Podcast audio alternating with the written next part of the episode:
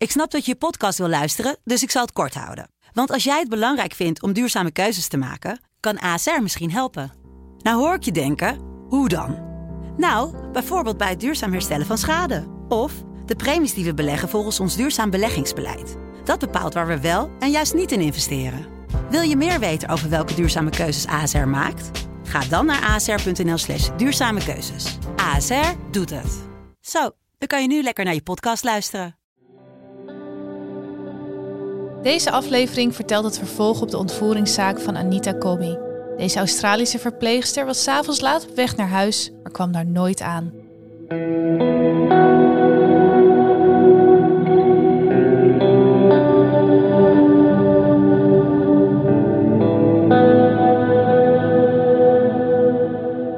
Je luistert naar onze podcast Ontvoerd. Mijn naam is Kevin van den Berg en ik zit hier samen met Maya Noordam. Zoals iedere aflevering duiken we ook deze week in een ontvoeringszaak die wereldwijd voor opschudding heeft gezorgd. Wil je beeldmateriaal bij deze ontvoering? Kijk dan op onze Instagram-pagina Ontvoerd, de podcast. Dit is Ontvoerd, aflevering 30, eindstation, deel 2.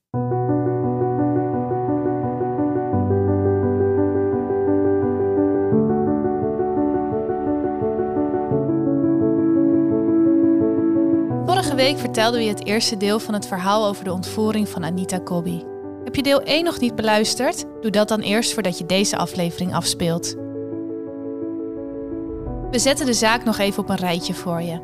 Anita Kobi is een 26-jarige verpleegster uit Sydney, Australië. Ze is getrouwd met John Kobi, maar de twee besluiten een paar weken uit elkaar te gaan. Anita verhuist daarom tijdelijk terug naar haar ouderlijk huis in Blacktown, op zo'n uurtje met de trein vanaf Sydney. Op zondag 2 februari 1986 gaat Anita na haar werk uit eten met collega's in Sydney, waarna ze de trein naar Blacktown pakt.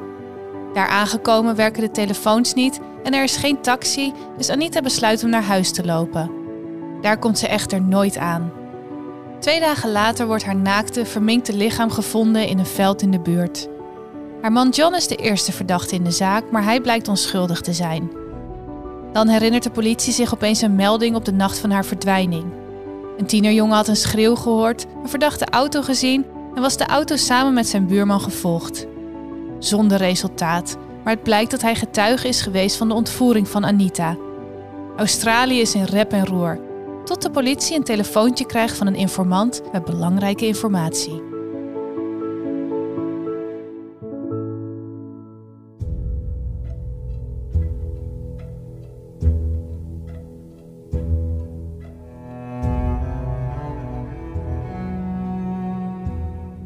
Deze informant vertelt de politie dat een groep jongens een auto had gestolen in de nacht van Anita's verdwijning. Een auto die precies voldoet aan de beschrijving van de auto van de ontvoerders van Anita. Hij geeft de politie ook drie namen van mannen die hij in de auto heeft zien rondrijden: John Travers, Michael Murdoch en Leslie Murphy.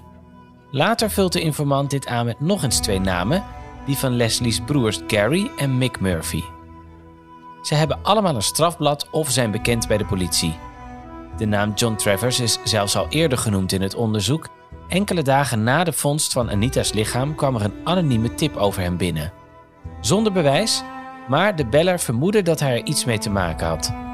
Maar wie zijn de mannen in dit vijftal eigenlijk?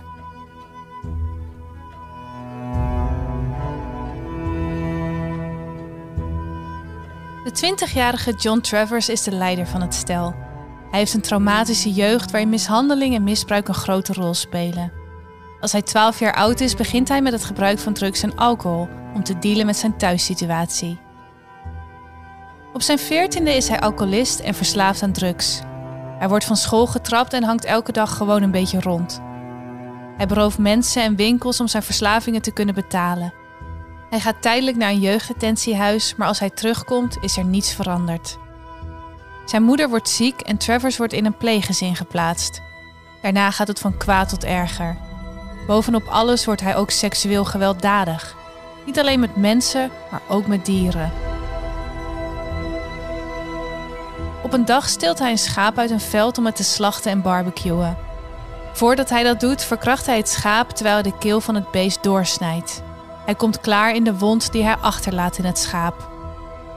Ten tijde van de zaak van Anita is Travers ook hoofdverdachte in de zaak rondom de verkrachting van een man. Ook hij werd onder bedreiging van een mes meegenomen en verkracht, dus de zaak toont veel overeenkomsten met die van Anita. Het volgende lid van de groep is de 18-jarige Michael Murdoch. Hij is de beste vriend van John Travers en begint ook op jonge leeftijd met alcohol en drugs. Ook wordt hij van school gestuurd en berooft hij mensen en winkels. En net als Travers gaat ook Michael naar jeugddetentie. En dan hebben we nog de Murphy-broers. Te beginnen met de 22-jarige Leslie Murphy, de jongste van de drie. Hij heeft net als zijn vrienden een geschiedenis van overvallen en diefstallen. Zijn oudste broer Mick is 32 jaar oud. Mick heeft wel eens iets gestolen, maar komt verder niet zo vaak in de problemen als de andere jongens. De middelste Murphy-broer is de 28-jarige Gary. Gary heeft een gehoorbeperking die van grote invloed is op zijn leven. Het beïnvloedt zijn schoolprestaties en hij wordt geschorst. Vervolgens wordt hij zijn hele leven vooral meegesleept door zijn broers Leslie en Mick en hij vervalt in een leven van criminaliteit.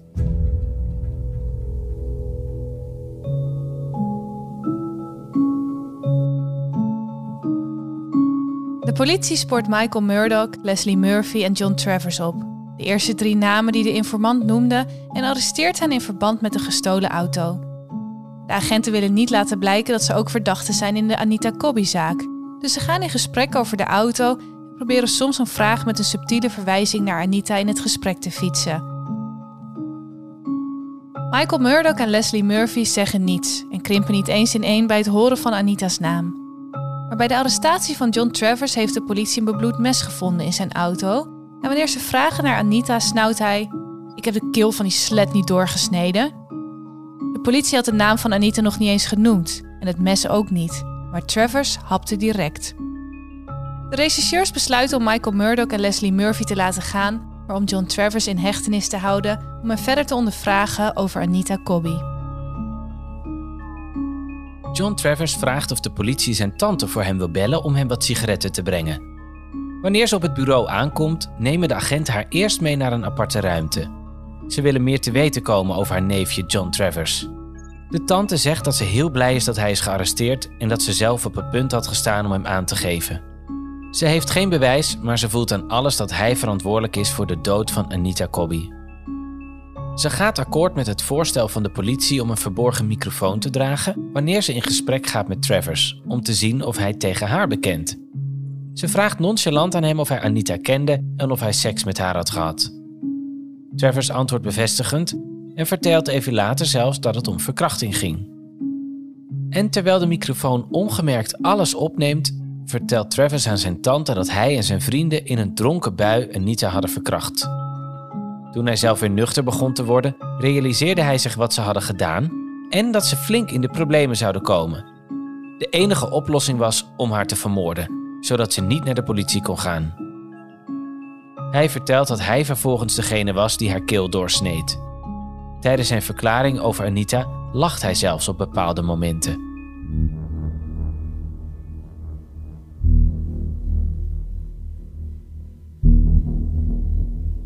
Travers weet niet dat de politie zijn mes al heeft gevonden en vraagt aan zijn tante of zij het mes uit zijn huis kan halen om te verstoppen. Na deze situatie wil hij het mes namelijk graag houden, zegt hij. Ook moet zijn tante de kleren ophalen die hij droeg op de dag van de moord, want daar zit nog allemaal bloed op. Travers vertelt ook over zijn ontsnappingsplan en de rol die zijn tante hierin moet spelen. Hij vertelt haar dat ze naar het treinstation achter het politiebureau moet gaan en een trein moet laten ontsporen. Die trein raakt dan, zo zegt hij, de achterkant van het politiebureau en creëert een groot gat in de muur. Travers ontsnapt dan vervolgens via dat gat. Terwijl hij dit vertelt, realiseert hij zich hoe ver gezocht en onmogelijk dit is. Maar hij heeft al direct een nieuw plan. Zijn tante moet contact opnemen met Michael Murdoch en Leslie Murphy. Zij moeten midden in de nacht gewapend het politiebureau binnenstormen en Travers vrijlating eisen. Zijn tante zegt dat ze dit gaat doen en verlaat de kamer. Natuurlijk doet ze dit niet echt, maar gaat in plaats daarvan direct met de opnames naar de politie. Zij vinden zijn bebloede kleren en weten nu de waarheid over de moord op Anita. Maar een enkele bekentenis is niet genoeg. Ze hebben voor de rechtszaak minstens nog een verklaring nodig. Ze richten hun pijlen op de jongste van de groep, Michael Murdoch. De tante van Travers gaat met een verborgen microfoon naar zijn huis om hem uit te horen. Ze zegt dat Travers haar alles heeft verteld, maar Michael zegt dat hij nergens iets van weet. Maar tegen het einde van het gesprek bevestigt hij het verhaal. De politie heeft het bewijs dat ze nodig hebben en arresteert het vijftal. Gary Murphy probeert nog te ontsnappen, maar zijn huis is omsingeld en hij komt niet verder dan de rand van zijn eigen tuin. Hij is zo bang dat hij in zijn broek plast wanneer hij wordt gearresteerd. John Travers' tante speelde natuurlijk een sleutelrol in de zaak door het ophalen van de twee bekentenissen. Travers is niet blij dat zijn eigen tante hem de gevangenis in heeft gekregen en hij heeft veel gevaarlijke connecties. Ze ontvangt doodsbedreigingen en krijgt regelmatig berichten over haar eigen locatie van vreemden. Uiteindelijk zorgt dit ervoor dat zij en haar hele familie in een getuigenbeschermingsprogramma moeten gaan. Ze hebben een nieuwe identiteit en wonen nu ergens anders.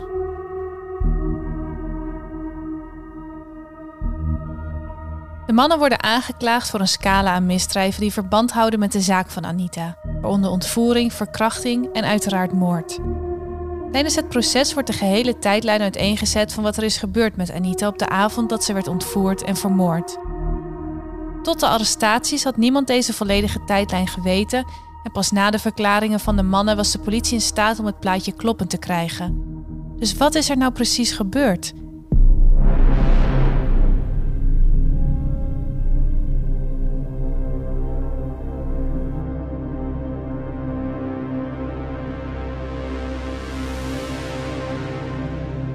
Anita Cobby arriveert die bewuste avond om iets voor tien uur veilig op het treinstation van Blacktown. Ze probeert alle betaaltelefoons om contact op te nemen met haar vader, die haar op zou komen halen. De telefoons zijn vanwege vandalisme allemaal buiten gebruik, dus Anita loopt naar de taxistandplaats. Er zijn geen beschikbare taxis, dus ze besluit om de relatief korte wandeling van een half uurtje naar huis te maken. Na ongeveer 10 minuten wandelen loopt Anita een straat in, waarna er een auto langs haar rijdt. De auto stopt even verderop. Anita gaat ervan uit dat het gewoon bewoners zijn die hun auto parkeren en ze blijft niets vermoedend in de richting van de auto lopen. Wanneer ze dichterbij komt, springen er twee mannen uit het voertuig. Het zijn John Travers en Michael Murdoch. Ze grijpen Anita vast en ze schreeuwt zo hard als ze kan om hulp. Terwijl ze dat doet, duwen de mannen haar op de achterbank van de auto, waarin nog drie andere mannen zitten. Een van hen gaat vervolgens bovenop haar zitten, zodat niemand haar nog kan zien. De auto maakt een U-bocht en rijdt terug in de richting van waar ze vandaan komen. Een van de mannen ziet een jonge jongen die naar de auto staart en blijft hem aankijken terwijl ze de straat uitrijden. De mannen zijn erg dronken en dwingen Anita om haar kleren uit te doen. Anita huilt en ze smeekt deze man om dit niet te doen, om haar gewoon met rust te laten en haar te laten gaan. Ze zegt dat ze is getrouwd en dat ze ongesteld is, maar het maakt hen allemaal niet uit. Ze wordt bedreigd met een mes en Anita kleedt zich uit terwijl de auto nog altijd rijdt. Ze wordt constant keihard geslagen en breekt hierbij haar neus en jukbeenderen. Ze wordt vervolgens gedwongen om beurtelings orale seks uit te voeren met elk van de vijf mannen. Zij wisselen elkaar af met het besturen van de auto, zodat ze allemaal regelmatig aan de beurt zijn om zich te vergrijpen aan Anita.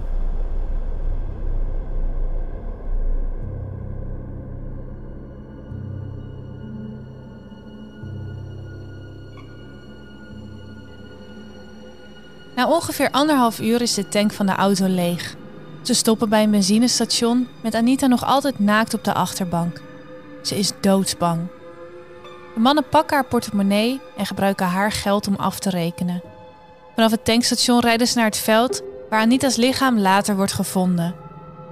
De hele weg er naartoe wordt Anita voortdurend geslagen en verkracht door verschillende leden van de groep. Als ze eenmaal het veld bereiken, vertellen ze Anita om over het hek te klimmen om het veld in te gaan maar ze is zo zwaar gewond dat ze nauwelijks kan bewegen. Lopen is onmogelijk. De mannen sleuren haar uit de auto en duwen haar door het prikkeldraad heen.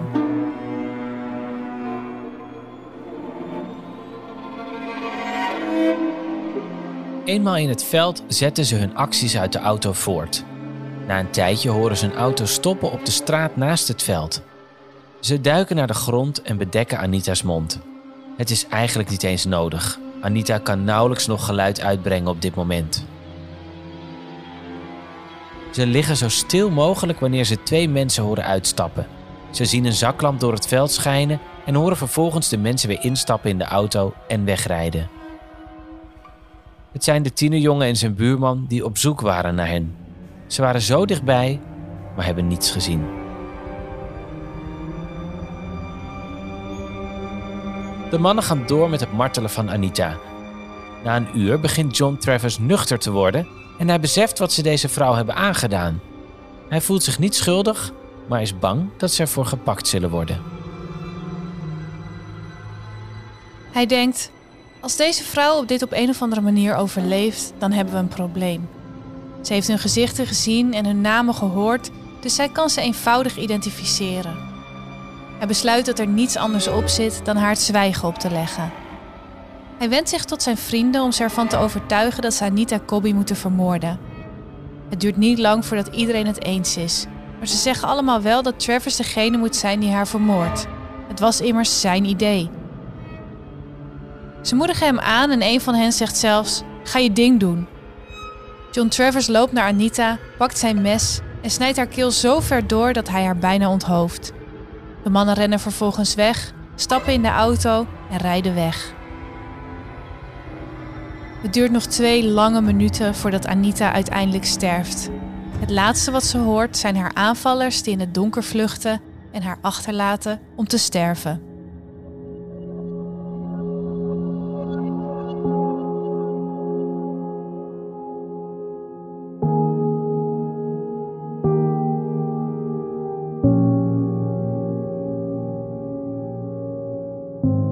Na de moord op Anita rijden de mannen naar een ander veld. Daar verbranden ze allemaal hun kleren op John Travers na. Hij wil dat niet. Hij wil het bewaren als een soort trofee. Travers neemt het mes mee en Michael Murdoch dumpt de gestolen auto. Deze is nooit meer teruggevonden. Het bewijs is overweldigend en de jury is dan ook al snel overtuigd van hun schuld. De vijf mannen worden schuldig bevonden op alle aanklachten. Het publiek wil niets liever dan dat de mannen ter dood veroordeeld worden. Op dit moment is de doodstraf echter afgeschaft in dit deel van Australië, dus dat is onmogelijk. Boze menigten demonstreren hiertegen en verschijnen dagelijks op de stoep van het gerechtsgebouw. Op een dag maken ze zelfs een pop naar het evenbeeld van een van de mannen en hangen deze op met touw aan het gebouw. Maar de wet is de wet, dus in plaats van de doodstraf wordt het vijftal veroordeeld tot levenslang zonder kans op vervroegde vrijlating.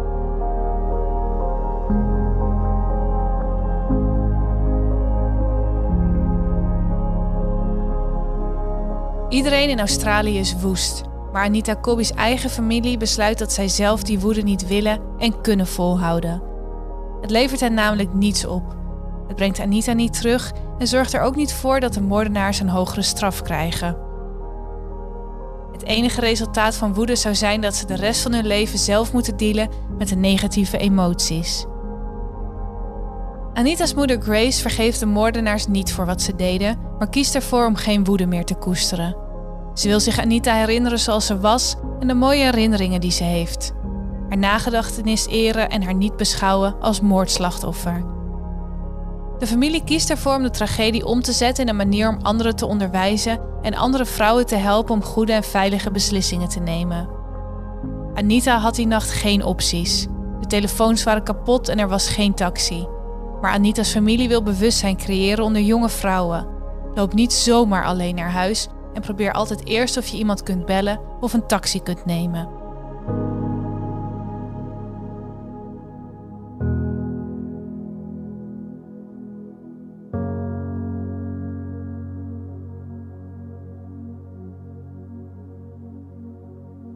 Anita's man John heeft het heel erg zwaar gehad met de situatie. Hij ontwikkelde een alcohol- en drugsverslaving en raakte in een diepe put. Hij bracht veel tijd door in en uit psychiatrische ziekenhuizen en bleef achter met zeer ernstige psychische problemen. Het kostte hem jaren en jaren om weer te gaan daten en hij voelde zich constant schuldig. Hij kon het niet aan om naar plekken te gaan waar hij met Anita was geweest. Maar uiteindelijk vond hij een vrouw met wie hij trouwde en kinderen kreeg. Maar niet voordat hij zijn naam veranderde. Zijn achternaam Cobby deed hem zoveel aan Anita denken dat hij niet meer met die naam kon leven. Dus hij veranderde zijn naam in John Francis. Een tijd lang ging het een stuk beter, omdat niemand wist wie hij was en hij daardoor ook niet constant geconfronteerd werd met vragen. Maar toen zijn kinderen tieners werden, realiseerde John zich dat hij de afgelopen twee decennia op de vlucht was geweest voor zijn pijn en verdriet. Zijn naam veranderen was hierop niet het antwoord. Met de hulp van zijn zoon besloot hij om zijn achternaam weer terug te veranderen naar Cobby. Ook zijn zoon veranderde zijn achternaam. Hij was zijn hele leven al een Francis geweest, maar dit was zijn manier om zijn vader te steunen. John gaat nog altijd regelmatig naar de plaatselijke kerk waar een kleine plaquette aan de muur hangt ter nagedachtenis aan Anita. Hij praat daar urenlang om haar op de hoogte te houden van zijn leven en advies te vragen over relaties, zijn carrière of kinderen.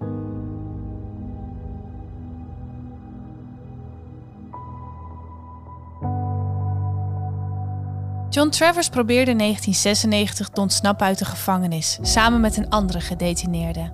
Ze deden allebei alsof ze erg ziek waren, waarna de gevangenis besloot om hen te vervoeren naar het ziekenhuis.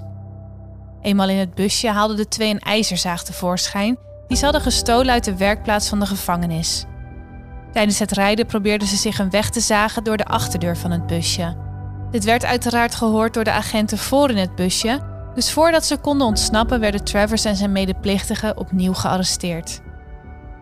Travers werd aangeklaagd voor poging tot ontsnapping en kreeg extra gevangenisstraf toegewezen. Het maakte voor hem niet uit. Levenslang is levenslang. Hij werd in de gevangenis gehaat door de andere gevangenen.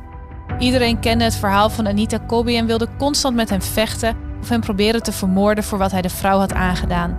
Het werd zo erg dat hij constant moest worden beschermd.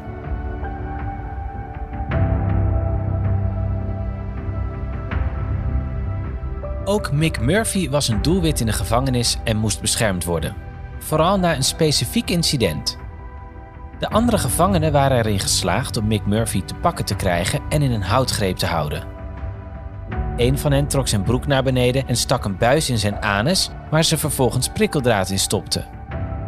Ze trokken de buis terug en lieten zo alleen een prikkeldraad achter. Mick Murphy kon wekenlang niet zitten en bij een van zijn hoorzittingen moest hij de hele tijd staan. Afgezien van die specifieke incidenten werden alle vijf de mannen regelmatig in elkaar geslagen in de gevangenis voor wat ze Anita Cobby hadden aangedaan. Ze werden vaak met verwondingen naar het ziekenhuis gebracht. Gary Murphy werd op een dag in elkaar geslagen in een doucheblok en werd met ernstig hoofdletsel naar het ziekenhuis vervoerd. In 2019 stierf Mick Murphy tijdens het uitzitten van zijn gevangenisstraf. Hij had terminale kanker die hem uiteindelijk zijn leven kostte toen hij 66 jaar oud was. Op dat moment zat hij 33 jaar, de helft van zijn leven, in de gevangenis.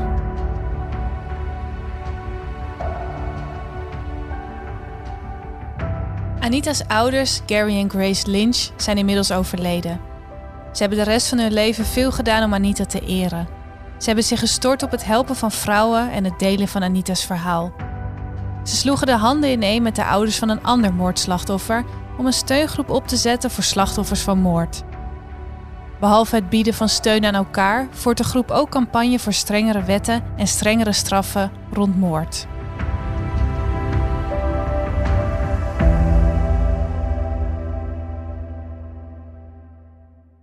Tot zover het ontvoeringsverhaal van Anita Cobby. Wil je een beeld krijgen bij Anita, haar ouders en ontvoerders John, Mick, Michael, Leslie en Gary? Kijk dan op onze Instagram-pagina ontvoerd de podcast. Volgende week zijn we er niet, want we zijn hiermee aan het einde gekomen van ons derde seizoen. Na de zomer zijn we er weer met nieuwe ontvoeringszaken die wereldwijd voor opschudding hebben gezorgd. Wil je direct op de hoogte zijn van een nieuwe aflevering? Volg ons dan in je favoriete podcast-app. Fijne zomer en tot dan!